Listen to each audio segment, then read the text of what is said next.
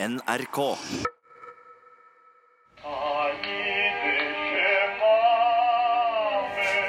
My father bought a record player that um, he used to play Yossel Rosenblatt albums.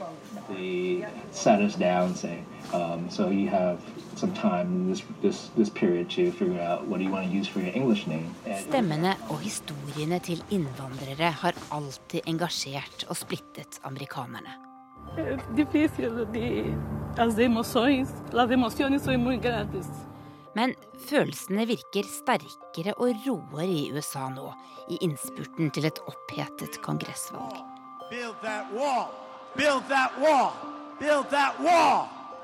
Har innvandringsdebatten endret seg for godt, selv i landet der nesten alle har innvandrerbakgrunn.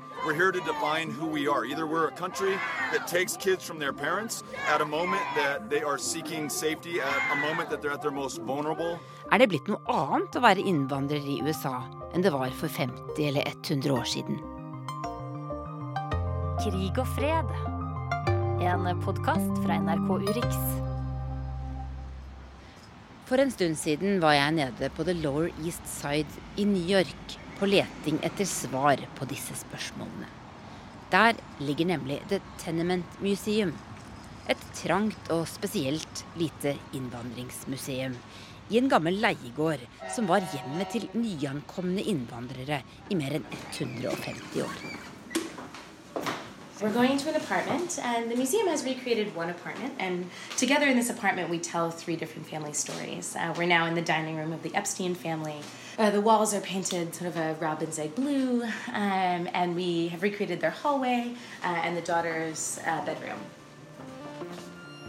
I'm Kat Lloyd. I'm the director of programs here in the education department at the Tenement Museum. And right now we're standing in the introduction space for our newest tour under one roof. Uh, you are in a space that would have been an apartment in this building, 103 Orchard Street. Uh, the building was a home from 1888 all the way through the 20th century. And on every tour at the Tenement Museum, we talk about how a building changes over time, how a neighborhood changes over time, and how families change over time.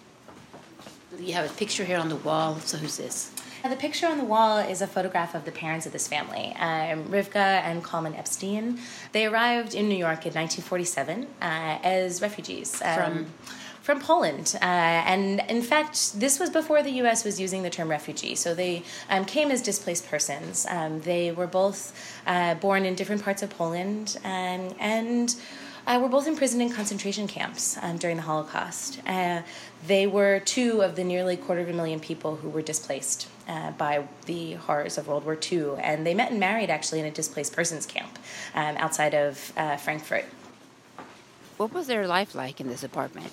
Um, we're here in the morning, so they would have just eaten breakfast. Um, Kalman would have gone off to work at his uncle's dress shop, just a few blocks north on Orchard Street. Um, Bella and Lima, the daughters, would have gone to school at Bais Yaakov. They went to an Orthodox all girls Jewish school in the neighborhood. Bella, the daughter, she said that her mom uh, would sometimes give her two or three milkshakes in the middle of the day. Um, and it wasn't until she was an adult that she realized that maybe that was because her mom, Rivka, wanted her to never experience what she herself had experienced during the war, of what she had experienced in being imprisoned in a concentration camp. My father bought a record player that The record player um, would be used to play different music at different times of day. So we talked to Bella about her memories of the music in her family's home. And so this is is what she said. I had gotten my mother to buy me a record, and it was Paul Anka. Oh, please stay by me, Diana. I'm so young and you're so old. This, my darling, I've been told. That was the song. It was played more in my house than I think anywhere else in the world. That was it. That made me an American.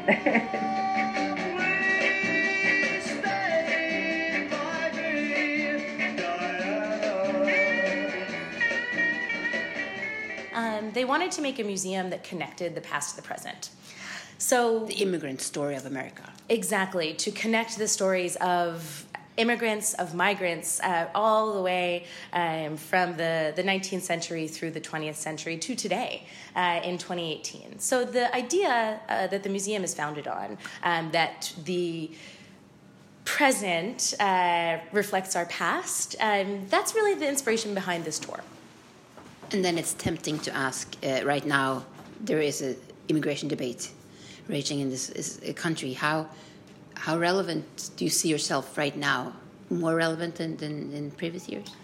Um, we hope that visitors see the stories that we tell um, as, as relevant, not only to their own personal lives, um, but to offer some historic context on the conversations that are happening in our country today. Um, the United States uh, has always had conversations about who belonged and who didn't, um, who could live where, who could arrive in the United States. Um, so we see the stories that we tell of families from lots of different backgrounds. We see those stories as uniquely American and stories that help us figure out um, how our own experiences can influence uh, sort of the conversation today. Are you afraid of being uh, political?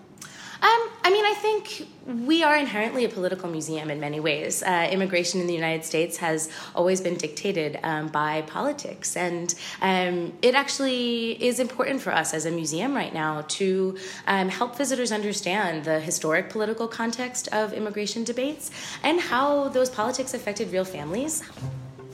Noen dager så tenker jeg at USA ikke kommer til å overleve som en nasjon liksom om 100 eller 200 år, for det, det er så polarisert, og det er så De trekker sånn ifra hverandre, da. Mens andre dager så tenker jeg at det, det har jo gjennom historien gått Altså det landet har jo gått gjennom sånne store omveltninger eh, hele tiden, nesten.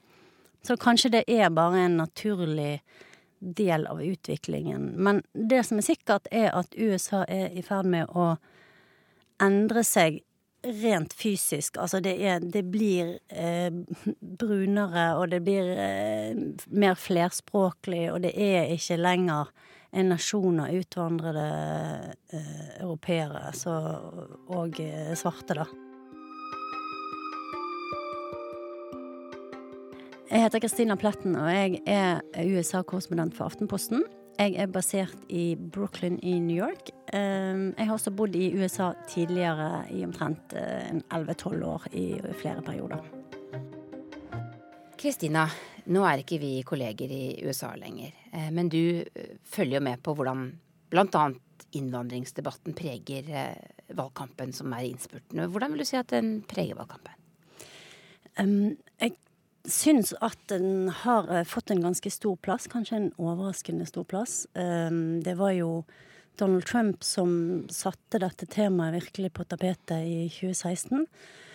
Og ehm, demokratene har plukket opp eh, innvandring som en eh, fanesak, spesielt etter disse ehm, separasjonssakene på grensen der barn har blitt separert fra foreldrene sine. Så det er absolutt en en sak som er helt i toppen av, eh, av eh, det folk diskuterer. Hvor mye splitter den, syns du? Den er veldig polariserende. Og det er jo også noe som eh, Donald Trump har gjort til sin strategi. Han har jo dette med å bygge muren mot Mexico som en stadig tilbakevendende sak, som han snakker om på sine valgmøter. Og han har også brukt mye tid på å snakke ganske nedsettende om immigranter fra, både fra Latin-Amerika og også fra muslimske land. Eh, og så har jo da eh, venstresiden nå begynt å bruke det aktivt, annet eh, for å motivere såkalte hispanics, altså spanskættede velgere, til å komme og stemme i mellomvalget. Du har akkurat vært i Texas, nær grensen. Mm. Hvordan preger eh, hispanics politikken der? Hispanics i Texas, eh, som jeg var, er jo en kjempestor gruppe eh, av befolkningen. Det er bare snakk om to til fire år før de faktisk er den største etniske gruppen, større enn etnisk hvite. Eh, men de har tradisjonelt vært, vært mindre, mindre deltakende i valg. Jeg tror at det som har skjedd på grensen, har enorm påvirkning, særlig i disse statene som ligger ned mot grensen til Mexico. Og jeg opplevde i Texas at det var et veldig sånn emosjonelt tema. Jeg var overrasket over hvor sint folk var, og hvor opprørt de var. Folk begynte å gråte når de snakket om det. Det er veldig tett på, og de identifiserer seg sterkt med disse menneskene som kommer fra ikke bare fra Mexico, men mange kommer jo fra land lenger sør. Honduras, Guatemala. De, de identifiserer seg med, med de, og med det som har skjedd med de. Og jeg tror de er veldig, veldig opprørte, mange. Så det, det er en helt annen stemning der, og det er, en, det er et veldig, veldig, veldig stort tema i disse delstatene. There are 98 children here right now at the Tornillo tent facility. Um, there are plans to expand capacity to upwards of 4,000 beds. Um, there are a mix of kids who arrived here unaccompanied, uh, didn't have their parents or family with them, and kids who were taken from their family, taken from their parents, literally at the moment that they arrived uh, Du har at this møtt border. Beto O'Rourke, som er demokratenes senatskandidat i Texas, og som får mye oppmerksomhet. Hvilken rolle spiller egentlig han nå? Han er jo oppvokst faktisk på grensen, mer eller mindre, i byen El Paso, som ligger helt eh, sør-vest, i, i det sørvestlige hjørnet av Texas. Um, så han har jo uh, Han bruker jo dette sånn veldig aktivt i valgkampen, at han forstår denne problematikken spesielt godt, fordi at han er fra der han er. Det er liksom ikke der politikere pleier å komme fra. Nei. Det er jo, altså, han er jo fra en sånn eh, litt sånn gjen, gjenglemt krok av eh, både av Texas og av USA. Og det bruker han veldig masse i, eh, i sin retorikk. Og så, og så er han jo en sånn Han er jo en litt sånn Obama-type som snakker mye om um, positive verdier, håp og, og fremtiden, og at vi er bedre enn dette, sier han. Og, og liksom er veldig eh, Nesten sånn manisk når han taler og får folk med seg og, og, og skaper en veldig sånn emosjonell stemning da, på valgkampmøtene sine. Han er en veldig spennende kandidat. Eh, men han er jo fortsatt en, en underdog i, i dette senatsracet eh, der han stiller mot eh, Ted Cruz, som jo er en av de mest profilerte og kjente republikanerne. Men det, det er et veldig spennende valg. Du har vel også snakka med replikanere i Texas eh, som Mm. stemte på Trump eh, om immigrasjon. Hva, hva tenker de nå, etter alt som har skjedd? Jeg får et veldig inntrykk av at de er litt sånn delt eh, i måten de tenker på. Altså de, de ser jo det at disse eh, immigrantene i veldig mange år har bidratt kjempemasse til Texas eh, økonomi. De jobber i landbruket, de jobber i byggebransjen. Texas har en eh, svært eh, sterkt voksende økonomi. Og eh, både lovlige og ulovlige migranter har, har hatt en utrolig stor rolle i å bygge den økonomien. Men så samtidig så er de vel som, som veldig mange andre amerikanere, de er redde for, eh, for narkotika, de er redde for kriminalitet som kommer over, eller kriminelle elementer som kommer over grensen. Så de, de har en sånn, sånn selvmotsigende eh, holdning til det, der de er veldig sterke Trump-tilhengere, men samtidig forstår at de er avhengige av, av disse innvandrerne, da. Som, som er en litt sånn, egentlig en litt sånn umulig posisjon å ha.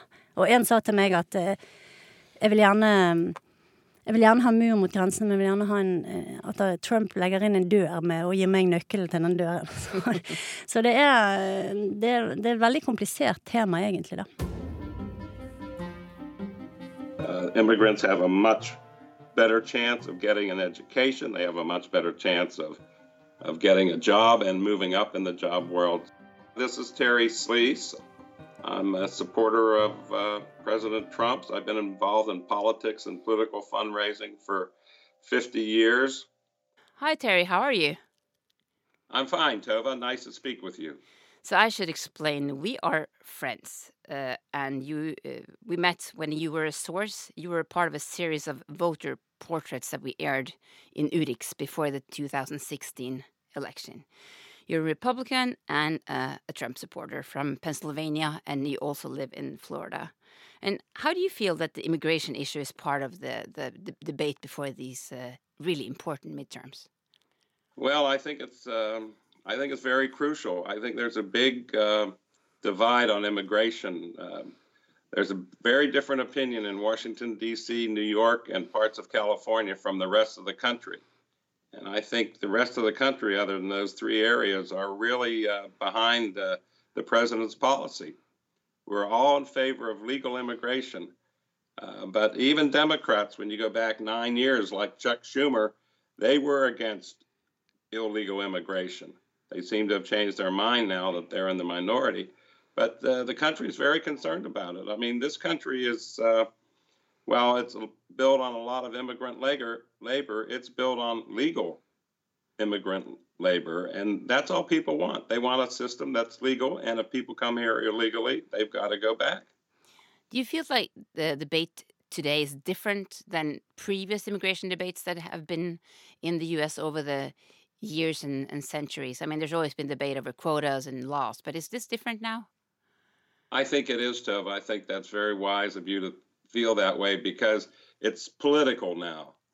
Really and truly, I think uh, on both sides, uh, this whole immigration debate uh, has gotten uh, way political. I think the Democrats see it as a way of uh, bringing in more people into this country. Uh, they're not citizens, but they want them to vote and they want them to receive the benefits of the American system so that they'll stay and vote Democrat. And I think the Republicans, on the other hand, want to have people come into this country, uh, get jobs, work hard, uh, but do it legally because there are a lot of people in this country who came in legally, and there's no reason that they should be superseded by people who come in illegally. But I think, Tova, it's m- much more partisan than it ever was. Yeah, but but is it also a debate over like like you're saying actually getting more votes? Are you guys going to actually lose out in the long term just from immig- immigrants coming in from Latin America, for instance? Well, I don't know. I think if uh, as long as you support a, a system of legal immigration, then then people can come in and vote wherever they want. I, I just think the partisanship here is the fact that there are a lot of people on the left, the more liberal, progressive people in this country, that want anybody who comes into this country to be able to vote, whether they're a citizen or not. And I, think the vast majority of Americans do not agree with that at all. So is that then what Trump has been trying to do uh, down at the border, uh, being stricter, uh, separating families and all that? Is that is that a kind of a necessary thing to do? Well, I think that uh, the border wall uh, is something that most Americans favor. As far as the separation of families, that was occurring under the Obama administration the same way. It just never got publicized. Was it's it really? become a bigger Yeah. it's become a bigger issue now because the the news media has given it uh, more attention, but uh, it's essentially not any different than what was going on under the Obama administration. So you really it was happening then too, the same kind of separation? You Oh yes, absolutely, absolutely. Uh, but I thought this was new that they actually put you know uh, put kids in uh, detention centers and parents in in, in, in Well, custody. you know what? If if if you look at some of the pictures that have been on the news media, it looks like they're detention centers. I'm not so sure they're as bad as they're proposed. And look, there may have been a little different view uh, as far as how quickly some of these people were separated from their families, but there isn't anybody down there that really wants to keep children away from their parents. The fact is, a lot of the parents all of a sudden quickly left the country or they were deported. The children had no place to go. But the policy is essentially not a lot different than it was in the previous administration. In this podcast, um, we've also heard from a, a museum, an immigration museum, where actually the people working there are being quite political in this debate. How do you feel about that kind of, uh, you know, that kind of attitude from a, an actual uh, museum? And charities receive money so they can present and educate the public on uh, what their purpose is. But to get involved in partisan politics can actually lead to the revocation of their 501c3 status. But do you think everything's just political now? Then is that the reason why this is happening? You know, I think a lot of more stuff is political now than it used to be. It shouldn't be. I think the problem, Tova, is that what's written in a lot of American news over here is now not news. It's an opinion of what the news is. It's an opinion of what the facts are and somebody's spin on the facts. Uh, we're a long way from even 10, 15 years ago where newspaper reporters and television reporters would would put uh, stories on the air based on the facts. Er det, er det noe som er viktig å, å forstå for å forstå USA når det gjelder innvandring? Jeg har tenkt mye på det, som er litt sånn annerledes i USA, er jo at du har hatt eh, grupper av befolkningen som har hatt tette bånd til hjemlandet. Eksempel de norske innvandrerne da. Hadde eh, kanskje nære slektninger som bodde i Norge i 1920 eller i 1930. Men det er ingen av de som har det lenger. Nå er de båndene blitt veldig tynne.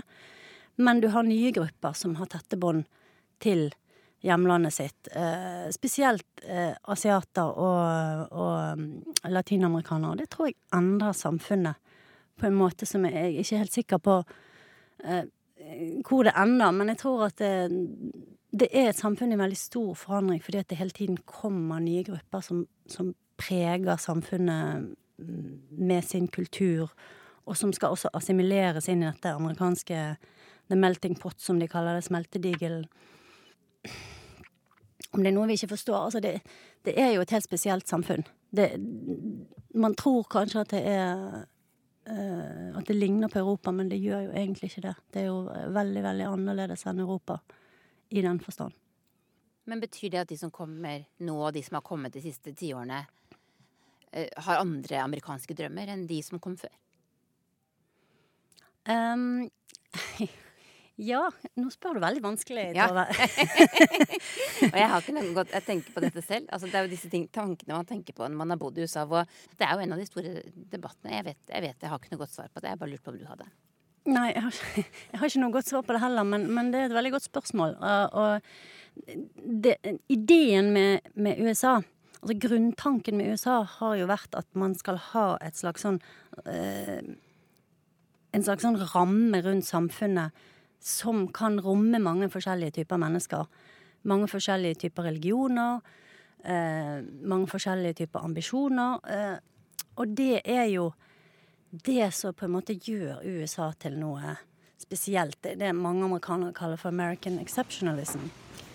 We're now in the final bedroom of the apartment, uh, and this was the bedroom where Yat Ping, Allison, and Tony Wong slept. Um, they are three of the four kids in the Wong family, uh, and the Wongs, uh, Mr. and Mrs. Wong, and their four children, lived in this building uh, starting in 1968.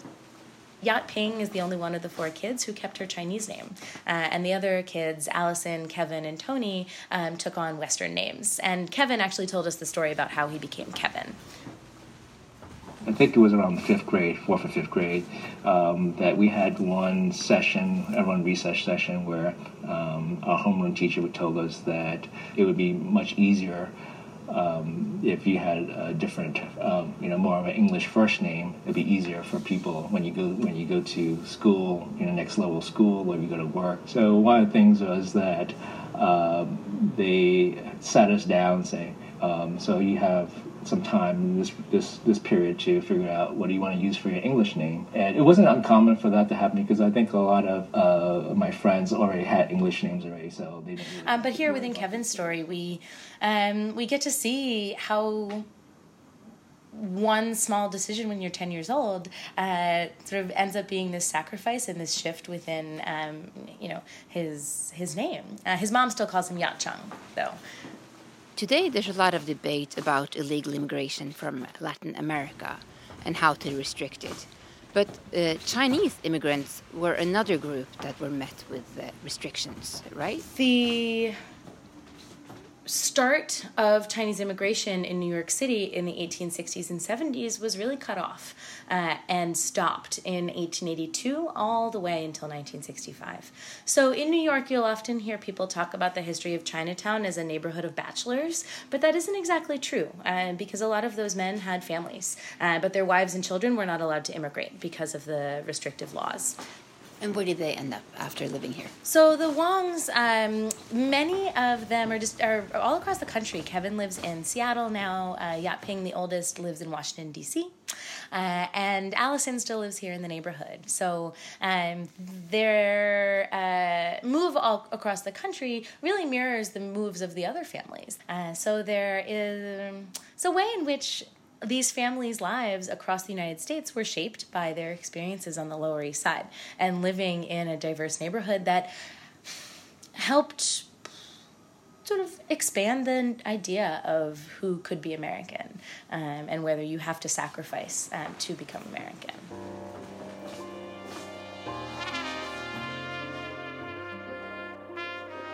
Krig og fred, en podkast fra NRK Urix.